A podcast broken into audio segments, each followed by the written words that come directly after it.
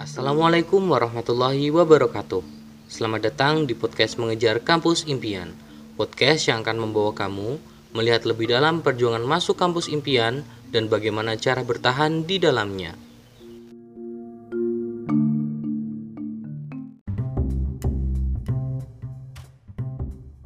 Di episode kali ini, kita akan bahas tentang teknik dirgantara ITB.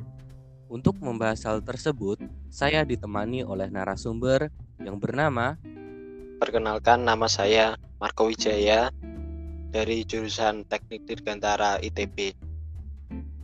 Baik kabar Eko? Wah, baik Dar, sehat-sehat Dar. Oh iya kok, kamu masuk Teknik Dirgantara ITB itu jalur apa kok? Oh, kalau aku kebetulan keterimanya jalur SNMPTN tahun 2017. Boleh diceritain nggak perjuangan masuk FTMD-nya? Jadi awalnya aku waktu SMA awal banget belum punya keinginan masuk kuliah benar-benar spesifik di ITB apalagi di FTMD gitu. Tapi aku punya keinginan masuk ke PTN yang bagus di Indonesia oleh karena itu, aku menetapkan target itu sejak awal SMA, yaitu dengan uh, mengikuti berbagai perlombaan. Contohnya adalah Olimpiade Sains Nasional sebanyak dua kali. Nah, berdasarkan hal tersebut, akhirnya uh, saya dapat lolos jalur SNMPTN di FTMD ITB. Oh iya kok, setahu kan kamu punya cerita unik nih jadi kamu itu OSN kan dapat medali kan sekaligus undangan buat ikut platnas. Tapi kamu malah milih nggak ikut platnas. Itu gimana kok nah itu salah satu pengalaman yang menarik sih selama SMA jadi aku kan setelah mengikuti OSN mendapat undangan untuk mengikuti platnas gitu. Dalam rangka seleksi untuk masuk tim Olimpiade Internasional Fisika Indonesia. Nah, aku sempat ada perasaan bimbang di situ, apalagi saat itu adalah kelas 12 di mana teman-teman saya uh, sedang gencar-gencarnya nih mencari info-info PTN dan mempersiapkan diri untuk mengikuti SBMPTN dan seleksi-seleksi masuk PTN lainnya. Nah, aku merasa bimbang gitu. Jika saya ikut pelatnas, maka uh, persiapanku akan terganggu. Namun aku juga berpikir bahwa kalau mengikuti pelatnas akan banyak mendapatkan koneksi yang mungkin akan bermanfaat ketika nanti melakukan kuliah atau telah berkuliah. Maka dari itu aku memutuskan akhirnya memutuskan untuk ikut pelatnas gitu. Dan aku tidak menyesal karena uh, perjuangan untuk masuk ke PTN itu tidak hanya tentang mempersiapkan diri mengerjakan soal-soal namun lebih ke mental kita dan lingkungan kita yang mendukung. Seperti contohnya aku tadi di Platnas bertemu teman-teman yang teman-teman yang hebat mempunyai ciri khas masing-masing sehingga aku menjadi lebih terdorong dan termotivasi. Dan kebetulan puji Tuhan setelah beberapa saat setelah pulang dari pelatnas tersebut setelah mendaftarkan diri di SNMPTN saya aku akhirnya keterima di FTMD ITB oh iya kok. Kan kamu basicnya ini fisika kan ya? Kan fisika itu sebenarnya bisa uh, bisa ke mana aja gitu. Maksudnya ke selain ke teknik dirgantara bisa ke MIPA bisa ke FTI bisa ke tambang atau yang lain kan. Tapi kenapa kamu lebih milih ke teknik dirgantaranya kok? Nah sebenarnya kan basicnya seperti yang udah aku ceritain tadi aku ikut OSN fisika. Jadi ketertarikanku itu preferensiku lebih ke fisika hal-hal yang sangat dekat dengan teknik. Kayak gitu.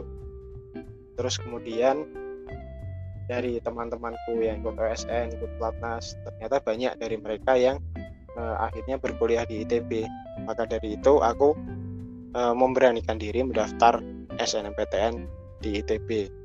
Nah, kenapa aku memilih FTMD sebagai pilihan pertamaku di SMP, SNMPTN? Karena ada teknik dirgantaranya itu tadi. Nah lanjut ke pertanyaan kedua kenapa teknik dirgantara? Karena ya uh, mungkin banyak orang belum tahu apa sih teknik dirgantara itu. Nah justru karena ketidaktahuan banyak orang ini aku menjadi termotivasi. Aku termotivasi untuk mengenalkan ke lingkungan sekitar ke masyarakat bahwa uh, seorang menjadi seorang engineer di teknik dirgantara itu sangat bisa sangat berperan besar di kemajuan masyarakat. Seperti contohnya saja, kita bisa menjadi uh, engineer yang mendesain dan membuat pesawat sendiri dengan bisa membuat pesawat sendiri. Simpelnya seperti itu. Indonesia akan menjadi negara yang maju gitu karena bisa mengandalkan SDM dari dalam negeri sendiri untuk bersaing dengan produsen-produsen pesawat atau wahana terbang yang ada di luar negeri.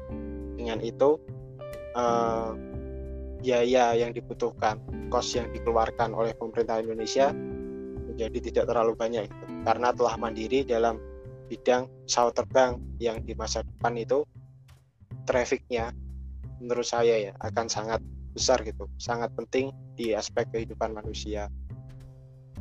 Marco kan udah 6 semester nih mau jalan ke semester 7 pasti kan banyak pengalaman kan di ITB boleh di share ke kita nggak?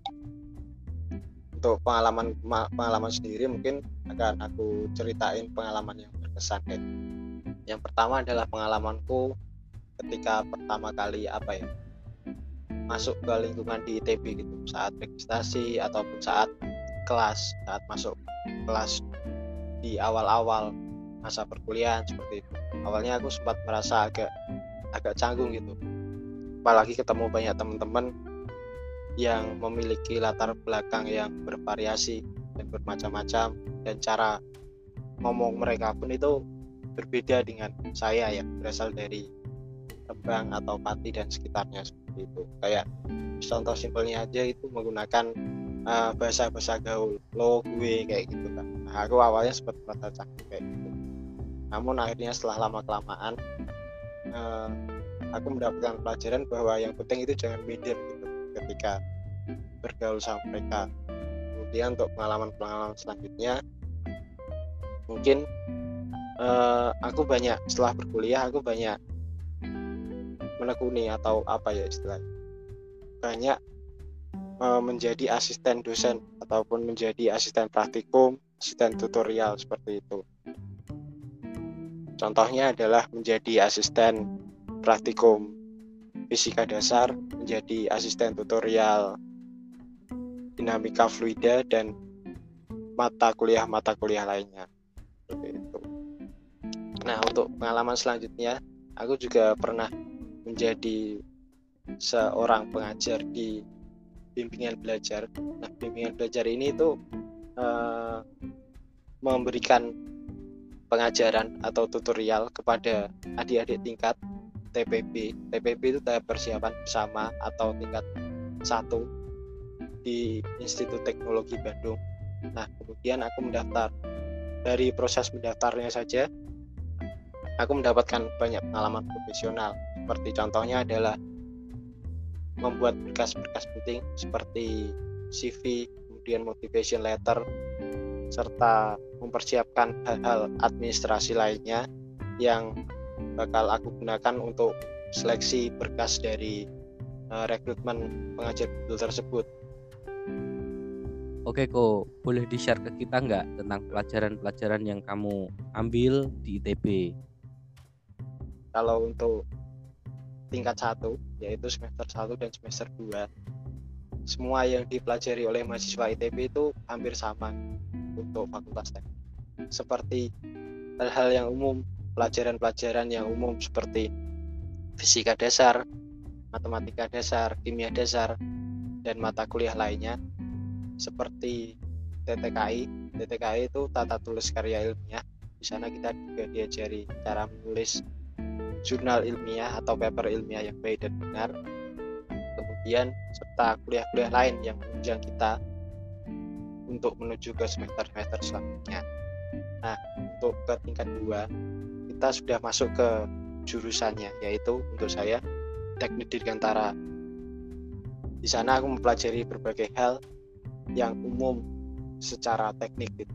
seperti matematika, matematika teknik, termodinamika, kemudian mekanika kekuatan material dan lain-lain. Intinya yang umum secara teknik namun belum spesifik ke bidang teknik dirgantara. Nah, lanjut ke tingkat 3 yaitu di semester 5 dan 6. Aku mempelajari berbagai hal yang khusus sangat spesifik mengenai teknik dirgantara itu sendiri seperti merancang struktur dari pesawat kemudian mempelajari aerodinamika aliran-aliran fluida di sekitar pesawat kemudian mempelajari performa terbang dari pesawat itu sendiri bagaimana pesawat itu tetap stabil ketika diberikan turbulensi atau goncangan pada pesawat terbang tersebut. Nah, hal itulah yang aku pelajari di tingkat 3 untuk tingkat 4 sendiri sebenarnya aku belum menjalani itu namun untuk tingkat 4 lebih mempersiapkan kita untuk kehidupan setelah kuliah gitu. Yaitu tidak lain adalah bekerja. Maka dari itu maka dari itu kuliah yang diberikan antara lain adalah magang dan TA TA itu adalah tugas akhir. Di sana kita dapat meneliti atau meriset suatu hal-hal yang baru yang bermanfaat bagi perkembangan ilmu kita itu khususnya ilmu di bidang teknik dirgantara. Oh iya kok, kan ada anggapan nih kalau kuliah di Bandung itu mahal. Menurutmu itu gimana? Mungkin untuk memang biaya hidup agak berbeda ya. Sebenarnya mahal sendiri itu agak relatif. Kalau dibandingkan dengan biaya hidupku di daerah asalku yaitu di Rembang. Ya tentu saja terdapat perbedaan di mana Bandung biaya hidupnya sedikit lebih tinggi. Namun sebagai mahasiswa atau teman-teman yang mungkin ingin masuk ke ITB atau universitas lain yang ada di Bandung tidak perlu khawatir gitu. Kalau di ITB sendiri terdapat banyak beasiswa yang disediakan oleh berbagai macam uh, pihak dan dikelola secara satu pintu oleh ITB. Gitu. Jadi kita perlu bisa mendaftar melalui ITB saja gitu. Dan beasiswa itu akan dicarikan oleh ITB ke berbagai pihak tersebut. Tentu saja dengan persyaratan dan dokumen-dokumen yang diinginkan oleh pihak pemberi beasiswa. Nah, kebetulan aku mendapat pernah mendapat beasiswa yang cukup unik yaitu beasiswa makan siang seperti. Jadi bentuknya tidak uang, namun aku bisa mendapatkan makan siang tiap harinya dari Senin sampai Jumat secara gratis gitu. Dan itu menurut saya cukup menghemat sih dari biaya makan atau biaya hidup di Bandung yang cukup mahal itu cukup membantuku seperti itu. Marco kan sekarang lagi magang di Jogja nih. Kalau boleh tahu Marco itu magang di mana dan tugasnya ngapain aja kok?